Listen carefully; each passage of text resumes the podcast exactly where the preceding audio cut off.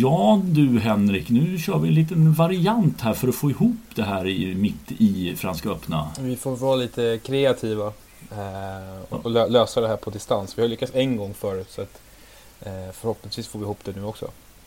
Ja, men en skön hemsnickrad lösning som vi har hittat. Vi hoppas att eh, kvaliteten håller tillräckligt bra för er som vill lyssna på det här. Eh, du, vi börjar direkt.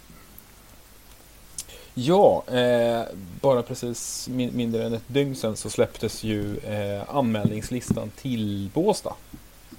Ja, och det var ju eh, en hel del av namnen var ju annonserade i förväg.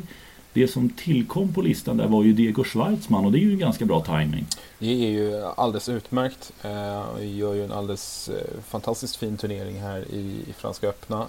Sin kanske bästa slam i karriären nästan är det va?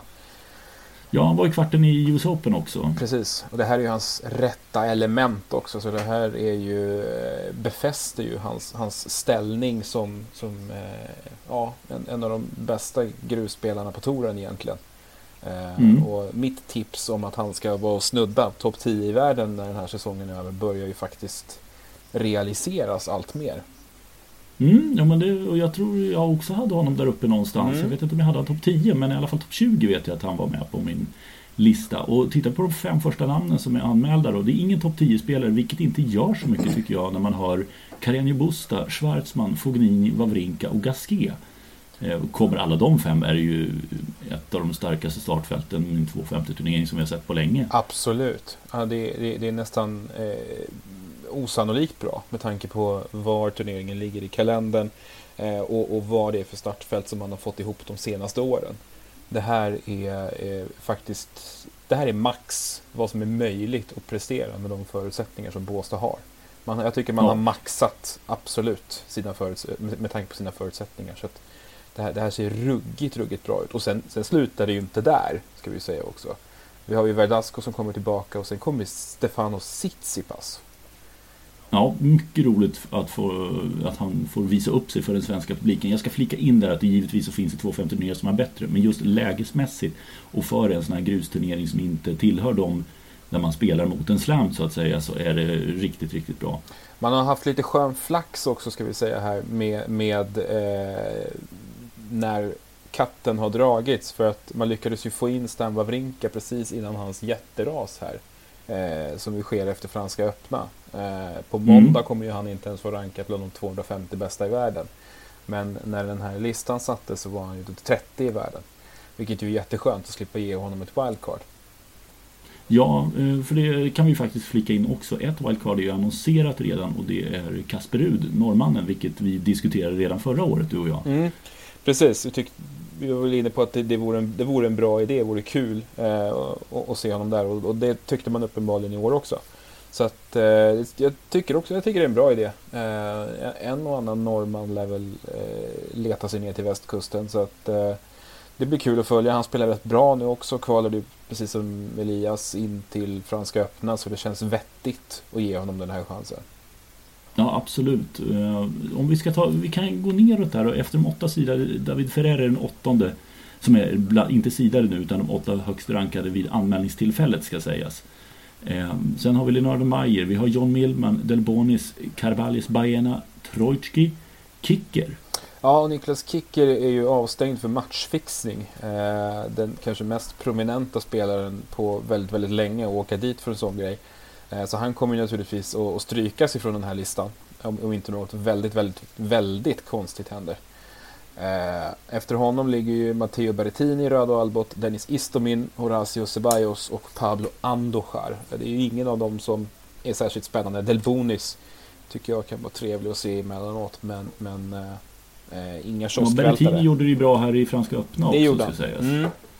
Eh, men det är som sagt som du säger, det är ju inte så att det kommer ryka i vändkorsen över de namnen. Nej, jag vet inte vilka som, som, som finns på, liksom i de trakterna på rankingen som man, som man hade velat se särskilt mycket hellre. Det är väl möjligtvis typ en sån som eh, Dolgopolov, eh, möj, möjligtvis om, om Cuevas hade velat komma, men det är möjligt att han hade kostat pengar då. Eh, och, och då, då, är det ju inte, då är det inte riktigt värt det, så att nej, det, det, det är ett bra startfält här. Det är det verkligen. Det är som säger, det man saknar det är en Dolgopolo som var där i fjol och gick till final. Eh, man saknar Cuevas, han väljer att spela i Omag och det gör även tidigare vinnaren eh, Benoit Per som också väljer att spela i Kroatien. Vi kan komma till Kroatien sen. Men du, om vi tittar på det här då. Kicker försvinner bort där ur den. Om vi tittar på alternates. De, eh, Elias Ymer är sexa på den listan. Eh, och då ska sägas att alla de fem innan är anmälda till OMAG också. Mm. Så att sannolikt så kommer ju åtminstone ett par av de här spelarna att, att åka till Kroatien eh, och inte spela i Båstad. Så då får ju Elias ytterligare en skjuts. Så är det två så kallade special exempt-platser vikta åt spelare som är anmälda, lägre rankade och som går långt i en turnering veckan innan då. Eh, och det är väldigt sällan båda de två platserna fylls. Det är rätt så sällsynt att ens någon av de platserna fylls. Ja, det, det är ju lite Challengers veckan innan som det skulle kunna spöka till lite grann. Men eh, högst sannolikt inte. Eh, och då skulle det kunna vara så, om vi spekulerar lite fritt här så om Elias får en eh, plats in i turneringen utan ett wildcard. Då har du två stycken kvar. Vilka ska få dem? Alltså som, som jag förstod det nu via det dök upp ett, ett Facebook-inlägg, eller förlåt ett inlägg här nu på, på Swedish Operas hemsida och då verkade det ändå som att, att de båda wildcards som återstod var vikta åt bröderna Ymer. Så att om Elias inte, eh, om Elias går in i turneringen av egen kraft så är det ju lillebror som får ett av dem. Även om han mm. är i fullständigt horribel form just nu. Sex raka förluster står han på. Eh, väldigt uselt facit. Men Ja, vi har ju haft den här diskussionen uppe förut. Eh, om, det, om, om det finns någon ytterligare svensk spelare som är värdig en sån möjlighet. Ja, nej, det är, ja, det är ju den enda som man kan se är ju i så fall att det skulle vara eh, Marcus Eriksson. För någon annan är det ju inte som eh, är i närheten av att kunna nosa på någonting sånt här. Nej, precis. Eh, Eriksson har ju en ganska risig säsongstart men är ju överlägset bäst rankad av Röset om, om man räknar bort eh, Christian Lindell. Eh, och, och, som vi såg under de svenska... Och han får ju inte ett Han får inte ett wildcard. Eh, han får nog inte ens det till kvalet. Eh, så att eh, och med de svenska Future-turneringarna i ganska färskt minne så eh, känns det ju inte som att det är någon annan som, som har ett särskilt starkt case för att, för att ta den platsen. Det tycker jag inte. Utan det är i så fall Eriksson, om de ska ha en svensk till. Han ska ja, för övrigt precis. ut och spela Challengers vad det verkar. Jag såg att han var anmäld till en turnering, om det var i Uzbekistan. Ja, han förlorade kvalet här nu till den här veckan. Eh, och ska väl spela någon mer där och går in i någon turnering också har jag sett här Precis, framåt. precis. Eh, och det tycker jag är helt rätt. Det är ju rätt att satsa på det om man har möjlighet. Och nu har han ju ranking som, som räcker till det. Så att eh, jag tycker bara det är att köra. Och eh, ju obskyrare spelplats desto bättre för hans del. faktiskt. Eh, det som faktiskt också är en sak att notera. Det är ju rätt intressant att de annonserade Rud tidigt och sen de andra två vikta till bröderna gör ju att de måste ha sonderat terrängen så pass bra eller så har de inte pengar att köpa någon som är tillräckligt intressant. Nej, det, jag, skulle nog tro att det är en kombination av båda. Alltså spelare som Fognini, Wawrinka och Gasquet. Eh, de är nog inte gratis. Eh, Nej. Jag tror, jag tror att man har fått gräva ganska djupt i, i, kassakistan för att få, få dit de tre. Eh, sen vet ju inte jag vad de nya ägarna ståtar med för, för ekonomiska muskler. Men, men jag, jag skulle tro att, att är, man, har, man har nått sitt tak här. Och sen så har det ju visat sig de senaste åren att det har inte varit särskilt mycket spelare ute ut, på jakt efter wildcards. I alla fall inte särskilt mycket bra spelare på jakt den här veckan. Så att eh, det, det, det är nog bra att sätta de där tre ganska tidigt. Ja, ja men jag, jag, håller med. Det, det är faktiskt, det har väl de lärt sig av erfarenhetsmässigt också att det finns inte, och det, speciellt inte sådana spelare som är tillräckligt intressanta för att publiken ska dras till det. Och så, det är klart, om Rafael Nadal skulle komma då, då petar man nog undan vem som helst. Eh, det kommer man förstås inte att göra, men eh, det är på den nivån. Men i alla fall så finns det ju ingen. Nej, det, det, gör, det gör ju inte det. Eh, det är ju om en sån som Dominic Thiem plötsligt skulle få för sig att han ska spela, kliva på gruset igen ganska snabbt efter Wimbledon. Eh, men eh, det, det, känns ju otroligt avlägset. Så att i, i övrigt så är det, är det ingen som egentligen är värd att lägga de pengarna på. Som, som, som känns någorlunda sannolik. Eh, så att, bättre än de här tre än, än, än Tommy Robredo igen. Ja, men det, det, får vi ge verkligen då rätt beslut från Båstadorganisationen att ja. Eh, ge wildcardsen. Ja, det, känns som man har gjort, de har gjort. det känns som man har gjort ett väldigt bra jobb i år. Rakt igenom faktiskt. Eh, det här är ett väldigt bra startfält. Det bådar oerhört gott och även om några av de här eh, troppar av och inte kommer så, så eh, känns det ändå positivt tycker jag. Det, man har en väldigt, väldigt stark topp. Stark och bred topp. Känns kul. Mm, tittar vi över på Omag då, vad de har så ståtar de med Kyle Edmund. Eh, lite intressant att Fid Rosengren inte kunde påverka Edmund att komma till Båstad. Eh, de har Krajinovic Zumur, de har ju hemma på Balkan båda två. De har Rublev, Ramos Vinolas, också en tidigare Båstad-vinnare. Robin Hase, Fuksovic och Shao Sousa som de åtta högst eh, sida eller högst rankade spelarna. Ja, även om, vi, ja, även om vi är färgade här nu så, så kan man ju omöjligt säga att, att Omag har, har fått till en, en bättre åtta än vad, än vad Båstad har. Nej, det är inte, alltså jag förstår ju Krajinovic och Zumur som gjorde det jättebra i franska. Eh, är ju, det är ju nästan hemmaplan för dem också vilket gör att det är nog rätt för dem att välja eh, spelplats Omag. Ja, ja absolut. Och det, det, det, är klart att det finns ett, ett eh, in, intresse som är relaterat till deras hemvist. Eh, naturligtvis. Sen Rublev är ju intressant där också. Oklart dock om han kommer att spela. Eh, han tackade ju nej till Franska öppna på grund av skada och han är inte hel än. Jag såg någon tweet från honom idag. Eh, mm. Det dröjer lite innan han är tillbaka så det är lite, lite oklara comebackplaner på, på honom. Sen är det ju några som sagt som vi har sett i Båstad där. Ramos Vinoda som du sa och Sosa har ju varit i, i, i Båstad också. Och Per har ju vunnit. Så att, eh, men ja, de brukar ju hoppa lite sinsemellan. Ja, skulle jag bara få välja helt fritt några av de här lite sämre rankade spelarna så skulle jag välja Cecchinato förstås eftersom han är väldigt intressant nu. Cuevas tycker jag är en underhållande spelare att se. Och egentligen så är Benoit Per också en intelligent, inte intelligent, det är han verkligen inte, men han är en underhållande spelare att se. De tre är det om jag skulle sätta på min önskelista över spelare som fyller ut startfältet. Ja, jag, jag kan hålla med om det. Eh, och här har man ju haft, det ska säga också, man har haft lite flax här med, med, med spelare som är eh, lite lägre rankade. För att du har, som sagt, du har Cecchinato där.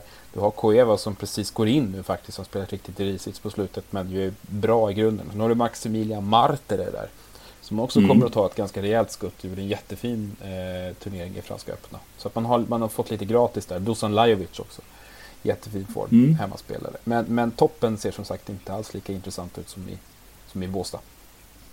Nej, och det, med det så tycker jag vi drar ett streck där och så tar vi oss an det som pågår här under veckorna. Och ska vi gå igenom först hur vi, hur vi tippade där ja. kanske?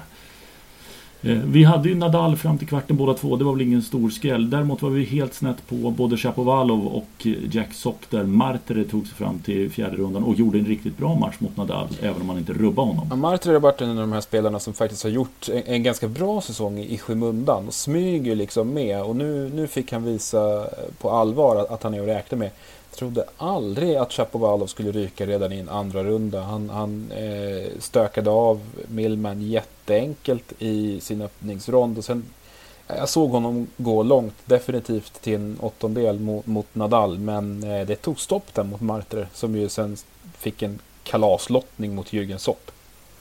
Ja, verkligen. Eh, går vi neråt där så Diego Schwartzman, där var jag faktiskt kors i taket rätt ute. Du trodde lite mer på Choric, han såg bra ut. Jag gjorde eh, lite av hans andra match. Eh, och han, eh, men Schwartzman plockade ner honom totalt och sen gjorde Schwartzman en riktigt, riktigt vass match mot Anderson där jag var helt snett på det. Du hade Anderson framme där. Eh, men Anderson servade för matchen två gånger. En gång i tredje set, en gång i fjärde set. Men han kunde inte lyfta sig när det gällde som mest. Nej, han förlorade det mentala kriget där mot eh, Schwarzman som ju vi har hackat på tidigare för att han har varit svajig och gjort ganska mycket skitmatcher. Eh, björnstark mentalt vad det verkar. Jag såg faktiskt inte den matchen men, men det utgår jag från att du har gjort. Ja, det var faktiskt så att jag följde den från start till mål där.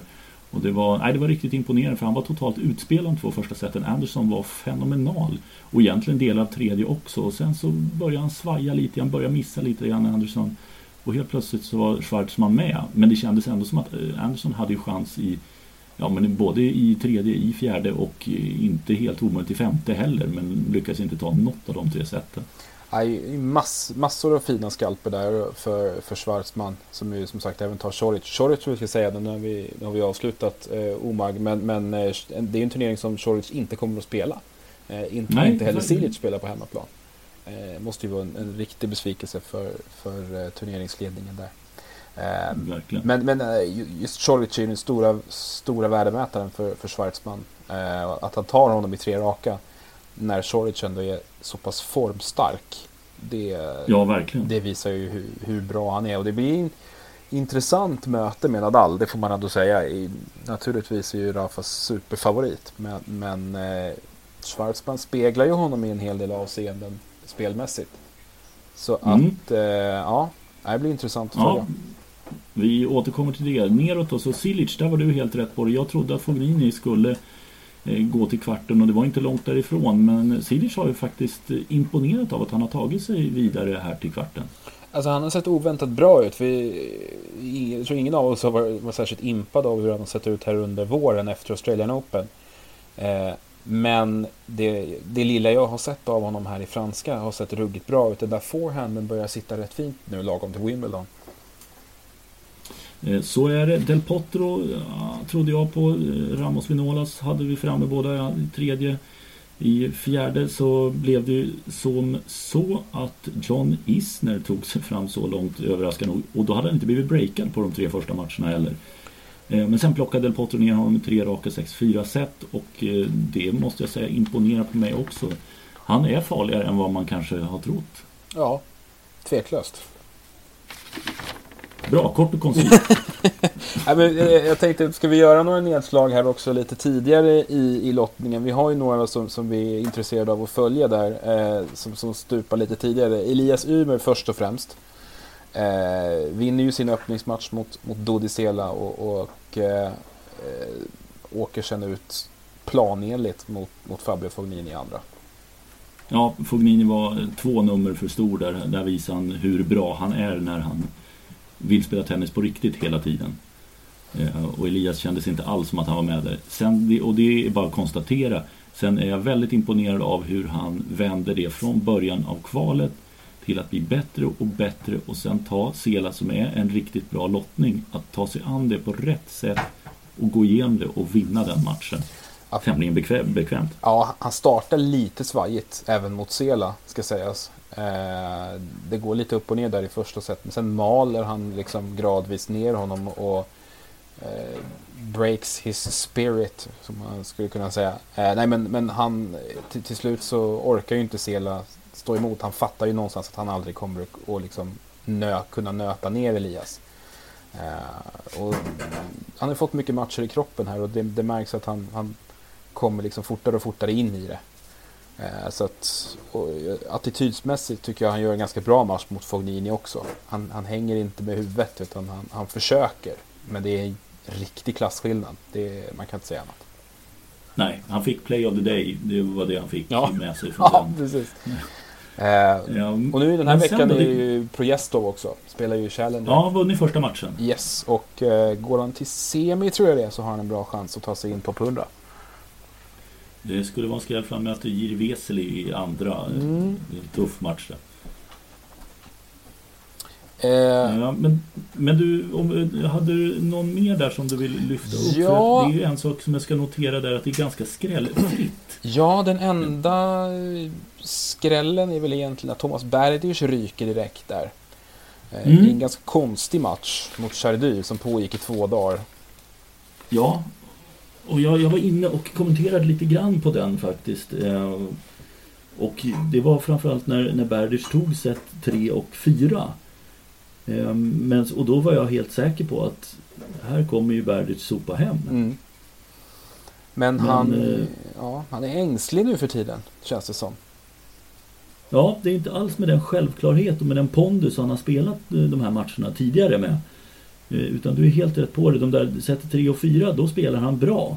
Eh, och, och, samtidigt vet vi att Chardy kan svaja betänkligt under matcherna också så att det är inga konstigheter. Men jag trodde de franska nerverna skulle svika när det stod 2-2 i set. Det måste jag ju säga. Ja, precis. Alltså, i, I nio fall av tio när man, när man går in i, i en femsetare mellan de här två så är det ju Chardy som viker ner sig mot slutet. Men, men Bergers pallar inte att sy ihop det här.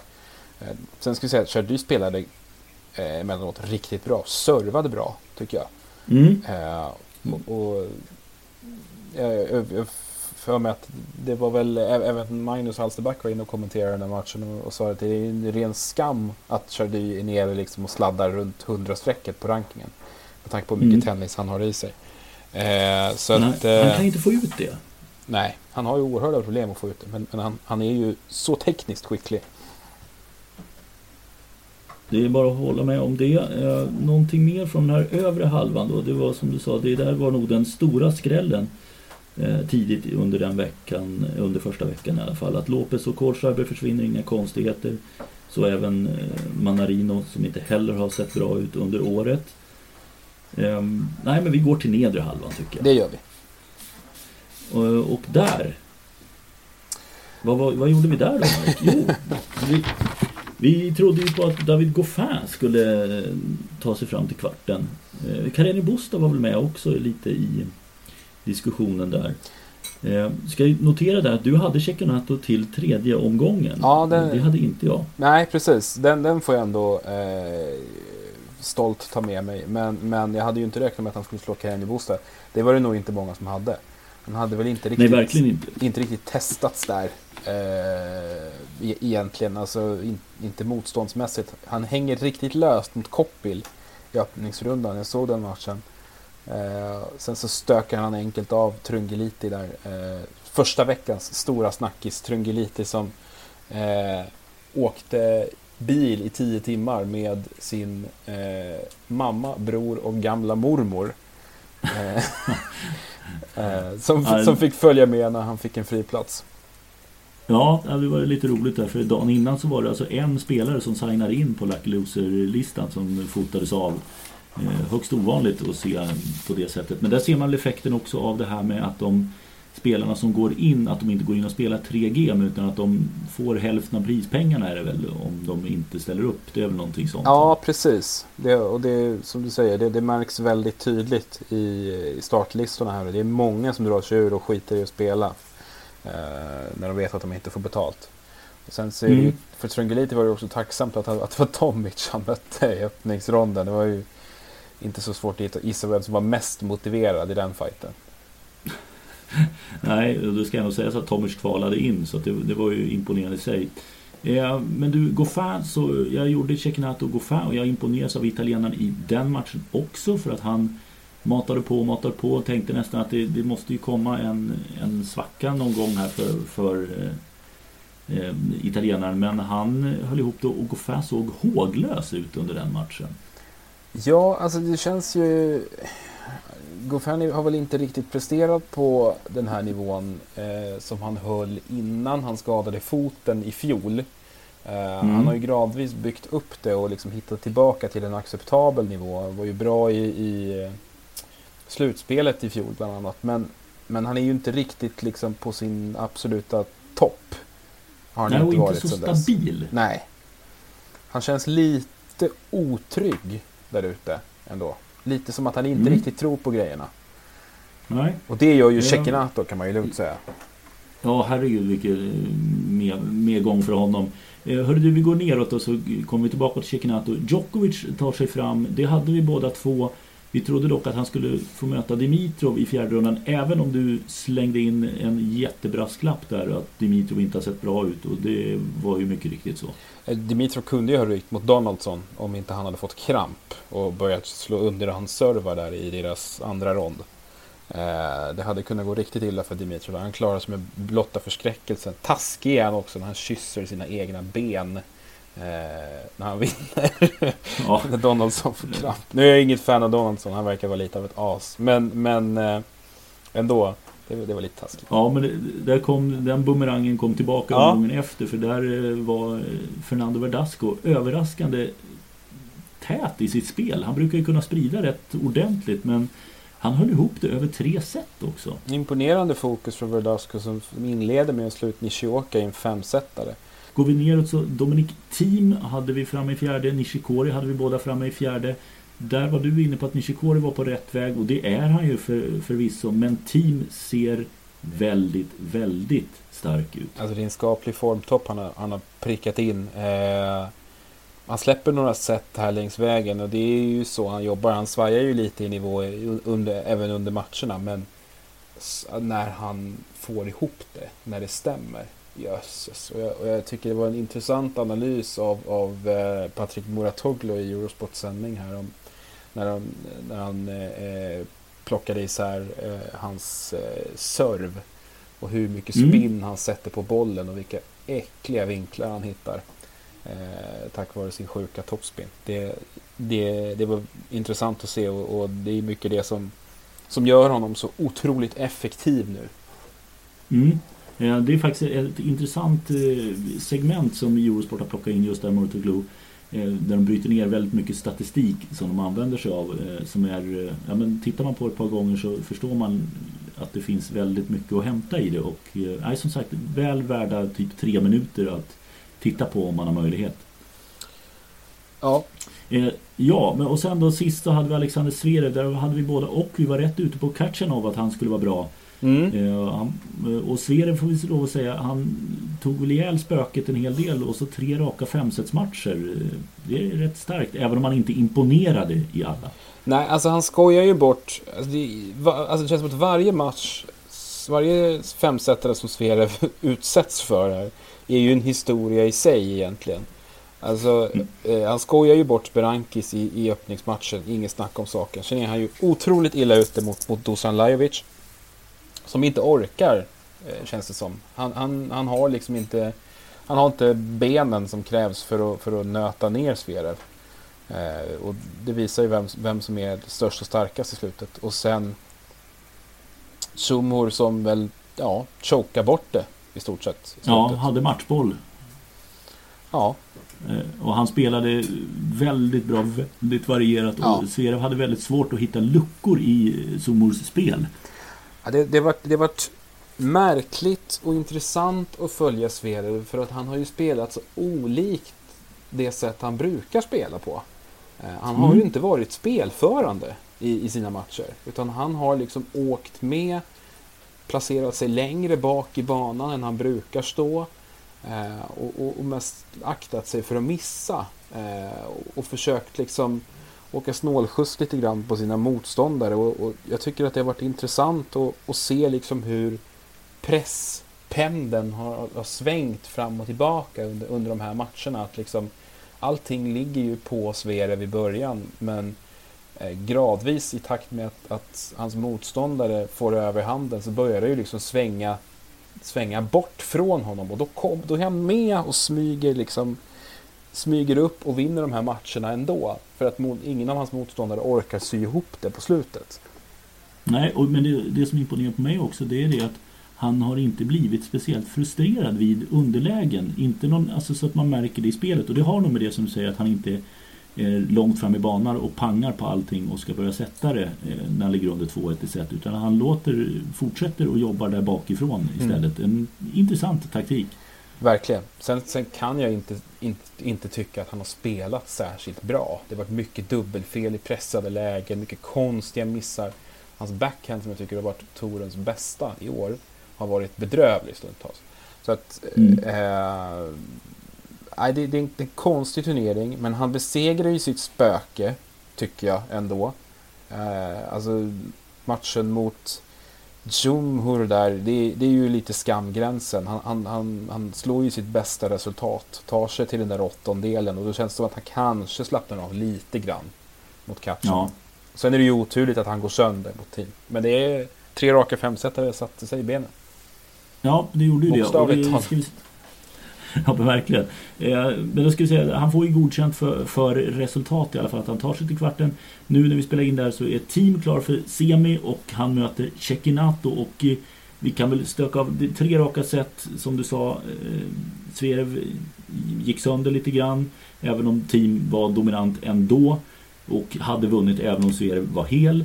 Eh, så tycker jag att vi måste, där Cecchinato och Djokovic framförallt fjärde sets tiebreak. Eh, det är någonting otroligt hög nivå på det. Det är bland det sjukaste jag har sett. Alltså bland det absolut bästa jag, jag har sett i tennisväg. Jag vill nästan sträcka mig så långt alltså.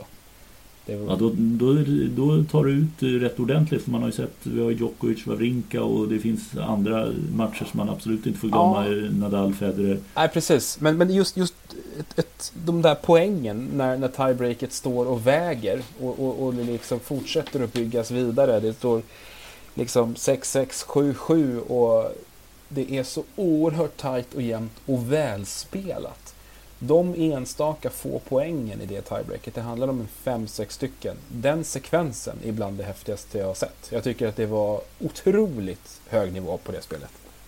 Ja, den, den enda som missade tyckte jag i slutet, det var Djokovic som gjorde de enklare misstagen ja. Eh, av de två. Och det visar väl någonstans att han har en bit kvar. Han i, ett antal moment så syns det ju att Cecchinato har så otroligt mycket bättre självförtroende än vad Djokovic har. Eh, och de här poängen som, som Novak brukar kunna kämpa in och, och liksom mm. gradvis höja tempot under de långa poängen, de fick han inte. Utan det var Cecchinato som bet tillbaka och vann otroligt många långa dueller. Och det måste vara ovan, ja. ovant för Djokovic. Ja, verkligen. Och, men det ska sägas också att det var ju inte så att Djokovic förlorade på att han slog bort utan det var Cecchinato som spelade så pass bra helt enkelt. Ja. Och sättet han slog sin backhand på var helt sanslöst. Sen så fick han otroligt mycket gratispoäng genom att serva konsekvent mot Djokovic backhandsida. Eh, Smart. Ja. Och han varierade sig också i sättet han slog sin serve, men, men nästan hela tiden på Djokovic backhand. Eh, och det tog lång tid innan, innan, innan Djokovic fick liksom kom underfund med det. Det var först i tredje set som det började lossna. Ett dåligt set av, av Cecchinato och sen i fjärde ett, tycker jag det är ett sätt som, som Djokovic egentligen ska ha. Ja, eh, som, han, som han schabblar bort. Eh, och det är nerver och orutin eh, på, på, inte orutin såklart, men liksom, han har ju inte de här, de här många och långa matcherna i benen. Det har ju Cecchinato. Han har ju spelat mm. ofantligt mycket tennis i år. Eh, det har han. Det har han verkligen gjort. Eh, men Djokovic också eh, får jag nog säga att det är ett visst fall framåt och han kommer att bli bättre. Det kan man ju lova. Gud ja, alltså förlusten till trots. Det här var hans bästa insats i år, tycker jag. Mm. Och ja, jag håller med. Han, han når ändå kvartsfinal. Det måste ju, måste ju han med, med lite eftertanke kunna känna är godkänt. Men som jag förstod det var han ofantligt besviken efter den här matchen. Han hade, han hade duckat presskonferensen och satt sig i ett annat rum och börjat prata. Eh, och de som in, inte hakade på där, de, de missade honom. han tog fem frågor och sen fem på serbiska och sen drog han. Han var fullständigt förkrossad. Eh, och det är olikt honom att inte, inte ställa upp och, och, och, och snacka med pressen efteråt. Han brukar kunna ta sig tid eh, och, och vara oerhört proffsig i de lägena. Men han pallade inte det nu. Nej, och det tycker jag man ska ha respekt för just för en sån spelare som alltid ställer upp eh, när det är såna här grejer. Absolut. Eh, Men, det, eh, ja. det, det är om det. Men du, behöver vi säga mer än att Dominic Team går till final? Eh, man ska väl inte ta någonting för givet nu när det gäller Cecchinato. Eh, egentligen. Eh, han, han spelade verkligen fantastiskt. Men Team borde greja det här. Han är definitivt mogen för en final nu. Eh, ja, var för i alla fall i Italien, det var väl bara Sutti var det som var 78 var som han var i, i så här långt. Ja. I en slam, eller i, i franska öppna ska vi säga. När hade vi senast en österrikare i en, i en slamfinal? Det det, det är Moster va, 95? Det måste vara Moster. För Meltzer har väl inte, var väl aldrig framme i en final? Nej, han var i semi har jag för mig. Det var väl typ 2010, kan det vara så? 2010, 2011? Ja, någonstans där i trakten i alla fall. Så att det, det, men det luktar team i final i alla fall, det, det tycker jag. Det gör det. Eh, Tjeckien måste toppa den här insatsen mot Djokovic. Jag tror inte han kommer att få riktigt lika mycket till skänks av team. Han är mera inne i det. Eh, och jag tror han är oerhört sugen på att ta den här möjligheten också. Ja, för det är en jättemöjlighet och man får inte glömma heller som eh, flera har berättat det här, bland annat Robin, det här med att det dräneras på så mycket energi efter en sån här match. Mm. Att det kan vara svårt att ladda om till nästa omgång. Nu har ju förvisso Cecchinato gjort det både med Carreni Busta, Goffin och Djokovic. Men någonstans så kostar det ju energi också. Det gör det ju definitivt och nu är det ju han som är i rampljuset. Nu är det ju, nu är det ju honom som alla vill snacka om eh, och med. Och sen så har han ju en annan grej i bagaget också. Och det, det är ju den här läggmatchutredningen. Eh, mm. Som det kommer att dyka upp ännu mer frågor om. Eh, eftersom att fallet är visserligen på pappret är avslutat. Men det finns ganska mycket saker som, som, som är konstiga med den utredningen. Eh, och att han ens är här och spelar eh, verkar ju ha, ha varit via en ren teknikalitet. Eh, så att den är lurig. Han har ju också Simone Vagnozzi som tränare. Som jag också mm. har nämnt i de sammanhangen tidigare. Så att yep. Eh, ehm, han... Eh, det, det, är inte på Tennis Sandgren nivå det här. När det gäller obekväma frågor. Men det är inte långt borta. Nej, han har duckat dem väl här under franska i alla fall. Han lär nog fortsätta ja. göra det tror jag. Ja, definitivt. Hör du, på övre halvan då så har vi det är Nadal Schwarzman och det är Silic Del Potro. Eh, jag slänger fram eh, Nadal fyra set i max i kvarten och jag tror Del Potro plockar Silic. Jag är högst osäker på Silic Del Potro. Nadal tror jag också vinner i fyra. Men, men eh, ja, Silic svajade ju till där lite mot Fognini när han, när han var på väg att bara sopa hem det här lätt. Eh, Del Potro har ju liksom inte satts på några prov överhuvudtaget än så länge. Han tappade ett set mot Mahy, det första i, i, i turnering. Jättekonstigt. Jag var övertygad om att han hade gått sönder då. Eh, ja, för att du, jag skulle du skrev ha rätt. någonting där till och med. Ja, men jag skrev, jag tänkte att han är trasig. Det, han torskar inte mot mig med 1-6. Men han gjorde bara ett skitsätt. Eh, starta matchen bedrövligt. Eller om han bara ville att, att det vill man ju sista, sista Franska öppna tror jag. Eh, så att om han ville ge honom en, en liksom lite längre tid i rampljuset. Jag kanske får bussig. Jag vet inte. Han vann ju den ganska lätt sen. Han har inte tappat ett enda set sen dess. Mött hyggligt Nej. motstånd på vägen i form av Vinolas, Ramos Vinolas och Isner. Så jag har jättesvårt att säga om den. Eh, jag har ju trott mer på Silic än vad du har gjort. Så, att, så att jag, jag fortsätter att säga Silic då, så tycker vi lite olika. Ja, men spännande. Mm. Eh, men i semi då så... Eh, Nadal har väl egentligen inte heller satts på extremt stora prov så här långt. Schwarzman kommer bli lite tuffare eh, än Silic eller Del Potro i semifinal. Men det är Nadals borg detta. Det är det ju. Och jag tror att Del Potro har större möjlighet att rubba Nadal än vad Silic har. Eh, mm. Del Potro har varit i semi här tidigare. Han har slagit Nadal och han, de har ändå en, en, de har ändå sprungit på varandra lite grann genom åren. Mm. Så att eh, han har större chans att skaka om Nadal. Även om eh, jag inte tror att han kommer att göra det. Nej, nej jag, det, jag tror att det är Nadal team som står i finalen. Eh, och jag lockas lite grann faktiskt av, av att säga team. Men det blir på något sätt ändå när, när tankarna samlas så, så blir det så oerhört svårt att tippa någon annan än Rafael Nadal i en final. Jag, jag, jag säger, jag säger detsamma. Um, jag, jag, jag har också, också svårt, eh, svårt att tro att Nadal förlorar en final i Franska öppna. Eh, när han väl är, har kommit så långt, eh, uppenbarligen hel i kroppen. Eh, team tar ett set tror jag, men sen är det stopp. Ja, men då så. Rafael Nadal vinner igen. Men du, innan vi, innan vi lägger ner det här eh, så måste, har vi två grejer från damsidan som vi måste plocka upp där. Rebecca Petersson måste vi väl säga någonting om? Absolut. Eh, gör framförallt ett, ett eh, fantastiskt bra kval. Och eh, vinner sin öppningsmatch. Eh, och en match hon ska vinna och som hon eh, tycker jag imponerar i. Eh, ja, men för det, Si är en svårspelad person. Det, det, kunde vi se i Australien där hon eh, spelade riktigt, riktigt bra. Verkligen. Eh, sen, men jag tycker att, att Pettersson liksom tar med sig det, vad man säga, eh, det självförtroende hon har ifrån sitt lyckade kval. Eh, och följer upp det där på, på ett ruggigt fint sätt. Så att, eh, hon kan vara nöjd med sin, sin turnering. Hon åker ju visserligen sen med dunder och brak i, i nästa omgång. Men det här är turneringen där hon etablerar sig på VTA-nivå. Eh, mm. En vändpunkt på allvar i karriären. Ja, ett trappsteg upp. Ja.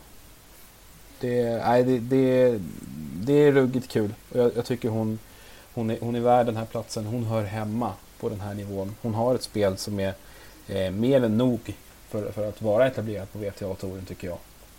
Jag håller med dig fullt ut. Jag tyckte det var jätteroligt att följa henne där. Även om Busanesco-matchen inte var någon rolig tillställning. Eh, men allt annat kan hon ta med sig eh, och bygga vidare på för att mm, håller hon sig hel så ska hon och kommer hon vara på den här nivån och högre. Det var väl slutpunkten för nio raka segrar. Eh, det är Just det. också en ganska imponerande svit som tar stopp där. Så att om energin tog slut så är väl det okej okay på något sätt också. Verkligen. Eh, innan vi, det absolut sista, det är väl den eh, det enorma antiklimax som eh, dök upp här när det skulle vankas en riktig tungviktsmatch. Ja, precis. Eh, Serena Williams har ju varit eh, omtalad på alla tänkbara sätt eh, i år igen. Eh, nu kanske mest genom sin outfit som, som man, man kan säga, säga saker om. Eh, jag, jag, ja. jag har sagt så här konsekvent, jag uppskattar budskapet som hon vill förmedla genom den. Eh, sen, sen, så har jag sett snyggare outfits. Mm. Eh, det kan väl men, jag, men, jag, jag, men den ska ju skicka en signal eh, och den, den, står för en, en hel radda olika saker. Har hon förklarat. Och eh, jag, tyck, jag tycker att alla de grejerna som den vill symbolisera och stå för är bra. Ja men det, det är faktiskt roligt. Hon använder ju sin plattform på ett bra sätt. Sen Absolut. som sagt kan man tycka vad man vill om själva dräkten. Men, men att hon gör det och hon gör det ändå på ett schysst sätt tycker jag också. Ja. Nej, men det var synd att den där matchen mot Sharapova inte blev av. Eh, de är ju inte särskilt såta vänner. Det känns väl inte, kanske inte direkt som att eh, Sharapova har särskilt mycket kompisar på touren överhuvudtaget. Men eh, det, det, var, det var tråkigt. Särskilt i, i skenet här. Det här var först, deras första möte efter Sharapovas bok som kom ut här också. Där hon eh, skrev väldigt mycket om Serena och deras möten. Eh, och ja, för det, hon, det var väl hur hon trodde Serena att de hade var... påverkat Serena. Och det var precis, det var Serena irriterad på. Ja, eh, för, för att jag hade inte sett att de var speciellt mycket ovänner innan utan jag, lite känner jag att det var bara att man bygger en rivalitet som kanske inte är så, så enormt klockren. Sen att de inte är bästa vänner men det är som du säger också köra på. Vad har inte speciellt många vänner på touren och inte heller Williams är väl någon som umgås speciellt mycket med spelare på andra med och motspelare.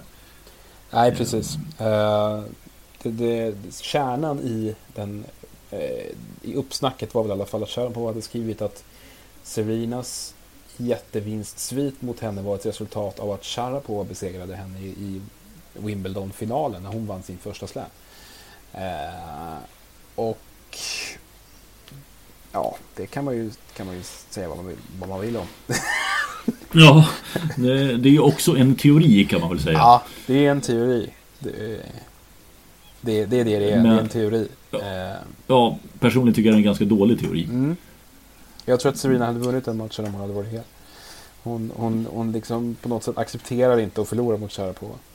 Eh, hon Nej, liksom det gör hon bara inte. bestämt sig att det där, det där går jag inte med på. Precis, men du, eh, vågar du på dig och eh, tippa vem som vinner damturneringen? Jag hoppas att, att, jag hoppas att Simona Halep vinner.